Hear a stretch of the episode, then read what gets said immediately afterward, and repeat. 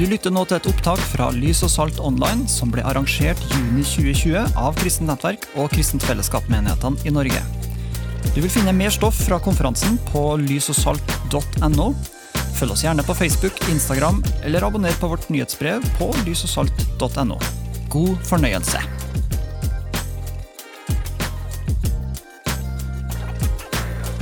Kjære venner i Kristent Fellesskap.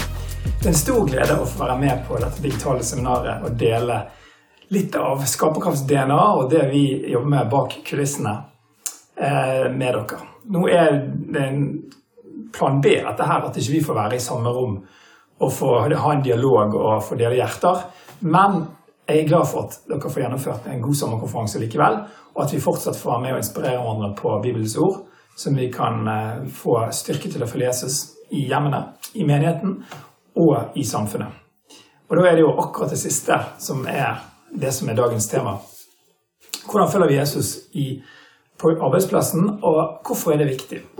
Nå har dette bakgrunn i en bok som har vokst frem i mitt hjerte i flere år, og som når pinsebevegelsen sa at dette må vi sette på agendaen i fjor, i 2019, så ble denne boken 'Samfunnsbygger'. Kirken ut av isolasjon. Resultatet. Vi fikk altså gleden av å skrive konferanseboken til LED 19 i Tønsberg, der 1500 ledere for pinsebevegelsen var samlet. Og Temaet for den konferansen var 'Jesus synlig forvandler hjerter, forandrer samfunn'. Jeg syns det var et godt tema. Det er bare Jesus som kan forvandle hjertene våre, men vi kan være med og være lys og salt i samfunnet. Min reise, kort om den for de som ikke kjenner meg så godt. Det er mange av dere som, som kjenner meg også litt. Men mange gjør kanskje ikke det. Og jeg hadde en fantastisk oppvekst og ble begeistret for Jesus, spesielt i tenårene når jeg ble oppfylt av Den hellige ånd på et møte på bakerste benk under en sånn minivekkelse i Åsane misjonsmenighet utenfor Bergen. Denne Jesusbegeistringen den fikk en kanal først og fremst i menneskeliv og lagsarbeid og skolearbeid. Men, men i mitt genmateriale og min eh, barndom så lå det et samfunnsengasjement. Som åtteåring leste jeg Bergens Tidende hver ettermiddag når avisbudet kom. Jeg fulgte eh, Gro Harlem Brundtland og, Kåre Willoch, som hadde heftige debatter på Dagsrevyen og på nyhetene. Og eh, denne samfunnsnerden i meg, den eh, fikk altså først eh, vokse liksom, sin plass igjen når jeg utover i 20-årene oppdaget hva Gud hadde skapt meg til. Sånn kan det være for mange av oss. At Jesusbegeistringen den leder oss til et engasjement som er genuint og ekte. Og så må vi bare gjenoppdage litt hvem vi egentlig er skapt til å være, og hvordan det kan se ut. Og For meg ble det sånn at eh, jeg fikk en kallsopplevelse på at ja, jeg skal hjelpe folk å følge Jesus der man er i arbeidslivet og i lederposisjoner, sånn at vi kan være med og prege samfunnet. Og Det har vært en spennende reise gjennom skaperkraftstilblivelse, som dere i Kristent Fellesskap var helt avgjørende med på å føde frem ved at ti menigheter, om ikke flere, var med og støtte oss fra starten av og fortsatt er det. Det har betydd utrolig mye, så et stort takk til at vi da har kunnet bygge stein på stein et miljø med nå 2,3 årsverk i Tankesmien, litt mer i de andre tingene vi holder på med, som kan få lov å skrive kronikker hver eneste uke. Har vi gjort det siden 2011, siden starten. I siste året har vi jo fokusert både på bioteknologi, som det har vært mye eh, diskusjon om i Stortinget de siste ukene. Vi har fått eh, hjelpe pastorer til å komme på banen i diskodebatten som raste i fjor, og som satte eh, menigheten i litt eh, rart lys.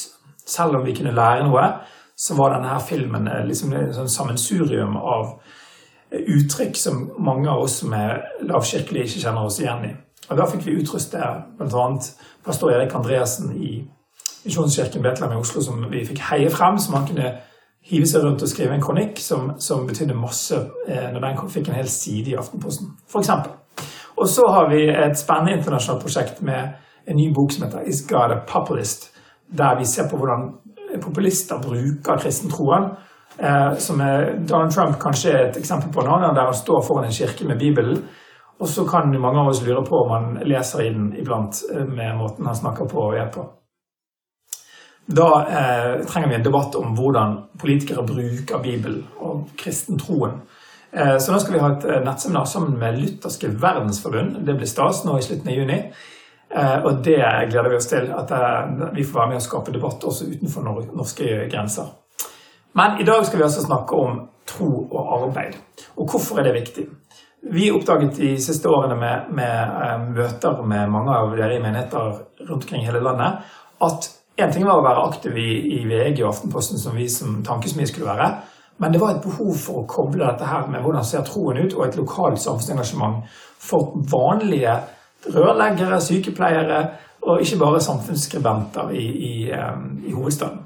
Så det har vært en fan, veldig spennende reise. Jeg skal dele litt om bokens innhold, denne her samfunnsbygger altså, og litt om den erfaringen vi har gjort oss. Eh, det som er bakteppet her, det er at jeg er blitt 44 år, snart 45. Men i 20-årene så hadde jeg et lass med venner som var begeistret for Jesus, og som var på samme lag, kjente jeg. Mange av de var ungdomsledere, lovsangsledere, Eh, eh, bekjente venner som, som vi, vi, hadde en følelse av å stå sammen. Og så er det sikkert sånn for dere også at vi vet at veldig mange av disse har hoppet av i hvert fall menighetslivet, om ikke troen også. Noen har beholdt troen, andre har mistet også den. Det er kanskje en av mine største sorger i livet å se at vi mister så mange.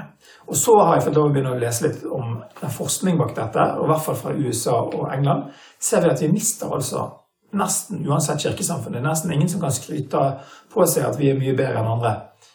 Vi mister altså 60-70% av barna våre som vokser opp i kirker i Vesten.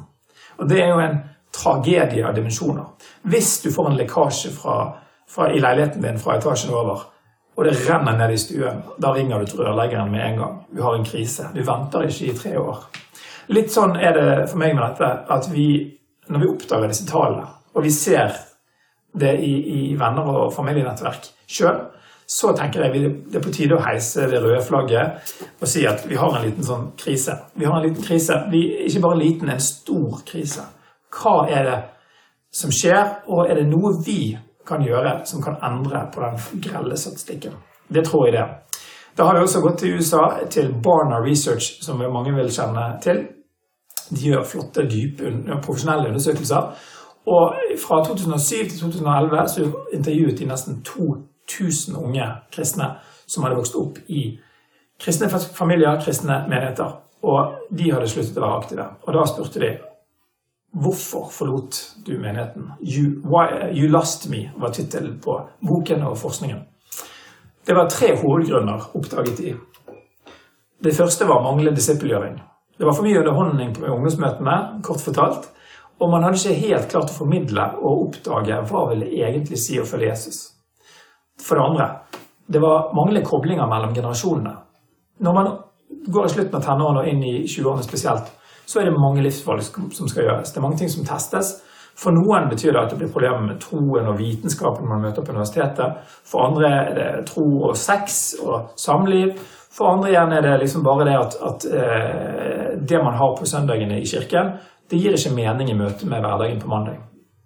Derfor var det tredje punktet på denne forskningen viste at det var for lite kobling mellom tro og arbeid, tro og karriere.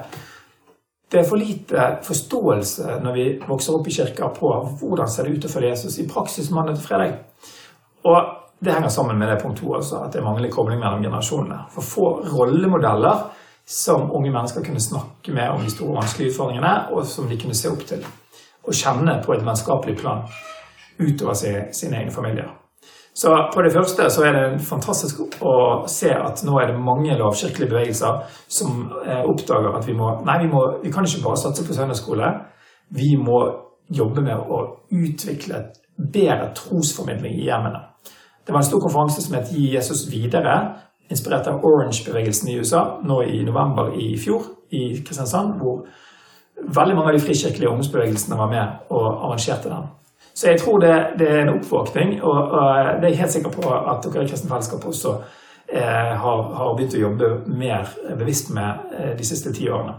Så den oppvåkningen er flott. Men på de to andre punktene, kobling mellom generasjonene og kobling mellom tro og arbeid, så ser vi at det fortsatt er en vei å gå.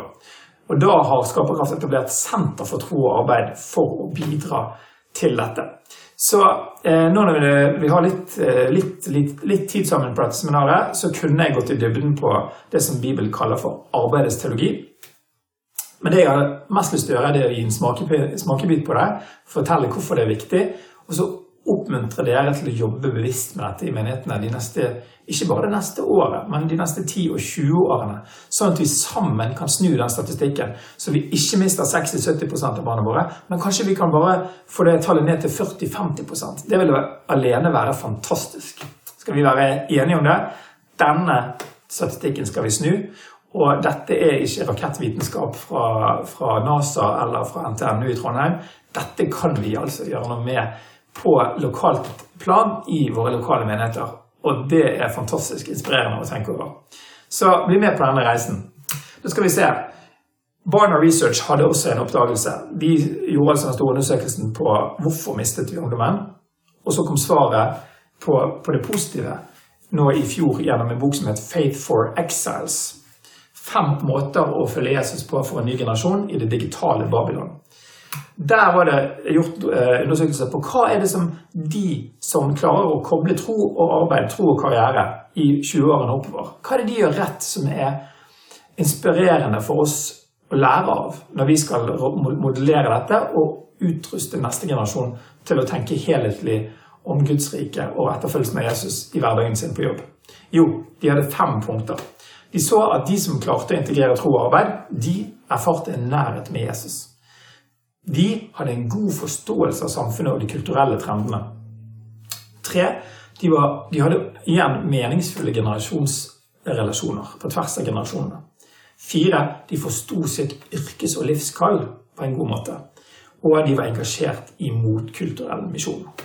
Jeg tror at hvis man vokser opp i en lavkirkelig menighet, i Kristne Fellesskap eller hvilket som helst kirkesamfunn i Norge, så er det faktisk heldigvis en god mulighet for å få et personlig møte og erfare nærhet til Jesus. Det er kjempeviktig for et barn som vokser opp, å få denne erfaringen med at Jesus er personlig, og ikke bare noe perifert og noe dogmatisk. Så det må vi fortsette å legge til rette for. Så tror jeg det femte punktet, at man får et engasjement, engasjement for et motkulturell misjon, det sitter i, i hvert fall for bibelbeltet, for oss som er oppvokst mellom Kristiansand og, Ålesund eller Molde. Vi er litt annerledes. Vi går mot strømmen. Så Vokser du opp i en lavkirkelig menighet, en frimenighet i Norge, så får du den følelsen av at vi går litt mot strømmen. Men jeg tenker punkt to, tre og fire. God forståelse av samfunnet og kulturelle trender. Meningsfulle relasjoner på tvers. Og det å forstå sitt yrkes- og livskall. Der har vi noe å jobbe med. Det er ikke sikkert at du er like enig, men eh, det er iallfall min, eh, min sånn eh, magefølelse når jeg leser disse fem punktene fra Barna Research. Her kan vi jobbe litt for at vi skal utruste disse som klarer å, å, å koble tro og arbeid på en god måte. Og at troen som de får i hjemmet og i kirken, skal gi mening når de går på Blindern eller på Universitetet i Bergen eller i Tromsø eller hvor man studerer. Da er det viktig med disse andre punktene også. Så eh, anbefaler denne boken Faith, in, uh, Faith for Exiles av Barna Research. Eh, du kan google Barna Research og, og finne ut eh, mange gode eh, forskningsrapporter, bl.a. på hvordan hjem som har tro inkludert i, hjemmet, fungerer. De har gjort forskning på det, en kjempebra rapport på det. De har en annen rapport fra, fra, om Christians at work, kristne på arbeid. Hva er det de gjør rett, de som er bevisste på dette? Og så har de altså denne nye boken 'Faith for Exiles' eksempler på rollemodeller på, på, de som virkelig har knekt denne koden. Så eh, hvis vi nå er enige om at ja, vi mister 60-70% det må vi gjøre noe med. Det er tre hovedgrunner til det. Manglende disippelgjøring, manglende kobling mellom generasjonene og manglende kobling mellom tro og arbeid. Hva kan vi gjøre med det siste punktet, som vi skal snakke mest om resten av tiden? Tro og arbeid. Jo, eh, vi kan for det første begynne å forkynne mer om det fra talerstolene våre. I denne her Christians at Work-undersøkelsen fra Barna Research så etterlyste 50% av de spurte, som fortsatt da var kirkeaktive, mer undervisning på hva Gud sier og Bibelen sier om arbeid. Og Jeg har blitt inspirert av Tim Keller, reformert eh, pastor som mange nok kjenner til fra New York. De har fått sett en fantastisk kirkevekst, ikke bare i Redeemer Church, men i hele New York i de siste årene fordi man har fokusert bl.a. på dette med tro og arbeid. Mange kommer jo til storbyer som New York, men også Bergen, og Tromsø, og Stavanger og Oslo, nettopp for å studere eller jobbe. Og Keller sier det at hvis ikke vi snakker om jobben til folk, så snakker vi ikke om livet. På teologien så kalles dette for arbeidets teologi. Og eh, Keller sier i en fantastisk bok som han skrev for noen år siden, som heter 'Every Good Endeavor', anbefales på det varmeste. Litt mer tilgjengelig, selv om han på engelsk, enn det Martin Luther, som også var opptatt av arbeidsteologi, skrev for hundrevis av år siden. Men hvis man eh, vil, så kan man gå rett til, til Luther og Calvin og andre kirkefedre. Men for oss vanlige dødelige så anbefales Tim Keller, selv om han er på engelsk. Han har en fantastisk utbrodering av ulike sider ved det som kalles arbeidets teologi.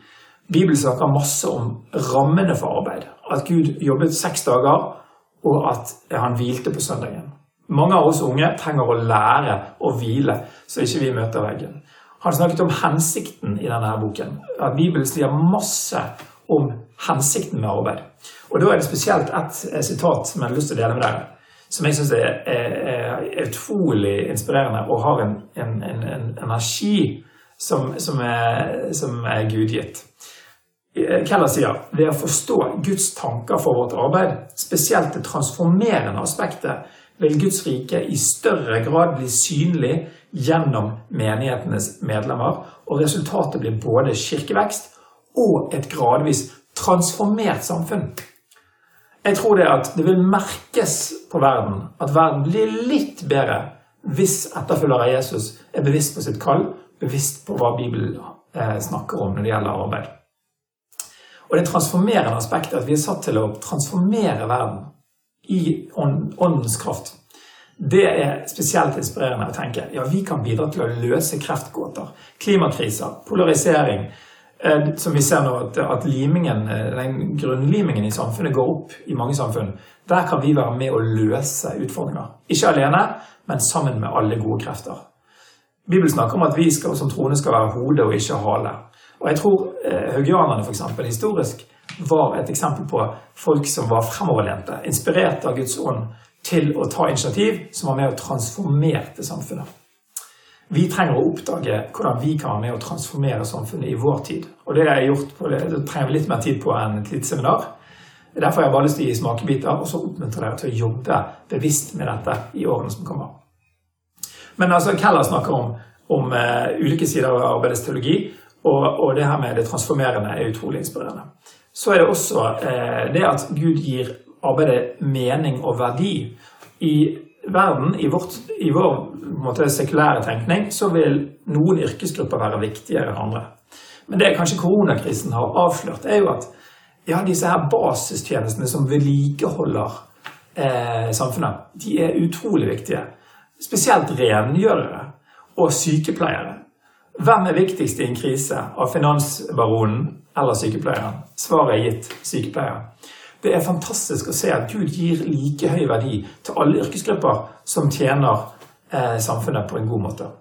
Og eh, For å avslutte denne lille introduksjonen til arbeidsteologi, som ble bare en, en kort smakebit, så er det kjekt å gå til begynnelsen til første Mosebok kapittel 1 vers 28, der Gud snakker om å gi Adam og Eva kallet til å legge jorden under dere, bli mange, og rett og slett forvalte skaperverket. Så det Keller også peker på, er at alt som forvalter jorden, alt som forvalter samfunnet, enten det er å børste fortau eller det er politikk, det er, er, det ærer Gud, og det er det å leve ut Guds rike i praksis. Og for det andre, det å transformere, det å bidra til positiv forandring for samfunnet, det peker på himmelriket. Det gjør at Guds, Jesu bønn om at 'la ditt rike komme', det blir litt mer synlig når vi er med og transformerer jorden, så den blir litt mer lik det Gud hadde tenkt. Så for å oppsummere her, så har jeg egentlig lyst til å kaste på en utfordring til teologene blant oss. Går det an å si rett og slett at ja, Gud kaller oss til å elske Han av hele vårt hjerte og elske vår neste som oss selv. Gud kaller oss til å bygge menighet, finne vår plass, være en del av fellesskapet. Og Gud kaller oss, som er et like høyt kall, til å være med og forvalte, vedlikeholde og transformere og forandre skaperverket og jorden til å bli litt mer lik det Gud hadde tenkt. Da får man en dobbel hensikt. Man ser at ja, vi er kalt til å komme sammen på søndagen og i husfellesskap, men vi er like kalt til å sitte på lesesal på mandag, eller gå på jobben i ingeniørbedriften, eller på sykehuset, eller på rådhuset på mandagen. Da henger det sammen. Da gir troen, troen mening. Da gir Bibelens prinsipper mening. Det skal funke i menigheten. Det skal også funke på jobb. Så la oss oppdage dette og utruste neste generasjon, sånn at det blir en helhetlig himmel over hele uken vår, og troen gir mening. Det vi har på søndagen, gir mening på mandag. Det blir ikke et, et forvirring når vi går på universitetet. Nei, vi ser at Gud har en hensikt med også det. Så det første praktiske tipset er altså begynne å forkynne om det.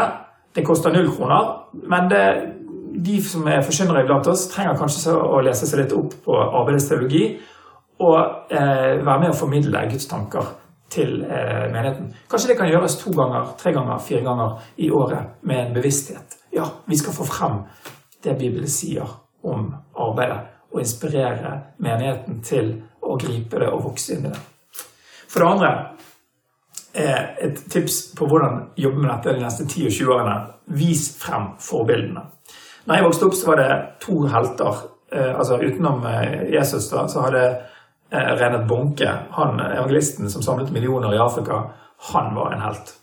Så altså Lovsangslederne og pastorene var de som var forbilder, men jeg måtte lete etter forbilder utover i 20-årene på de andre feltene, i politikk og næringsliv, der jeg ønsket å operere i mitt eh, kall som jeg oppdaget etter hvert. Så hvis vi klarer å løfte frem disse forbildene på talerstolene våre, så vil vi kunne gi rollemodeller til neste generasjon på hvordan det ser ut å følge Jesus i andre deler av samfunnet enn i kirkens, innenfor kirkens fire vegger. Og igjen, Kirken er kjempeviktig. Har vi ikke en sterk menighet, så har vi ikke en himmel over livene til barna våre. Men det er denne himmelen som må få lov å være med hele uken. Og vi må, vi må vise og fremvise hvordan det ser ut utenfor akkurat aktiviteten som Kirken har eh, kontroll på selv. Så er det tredje tipset.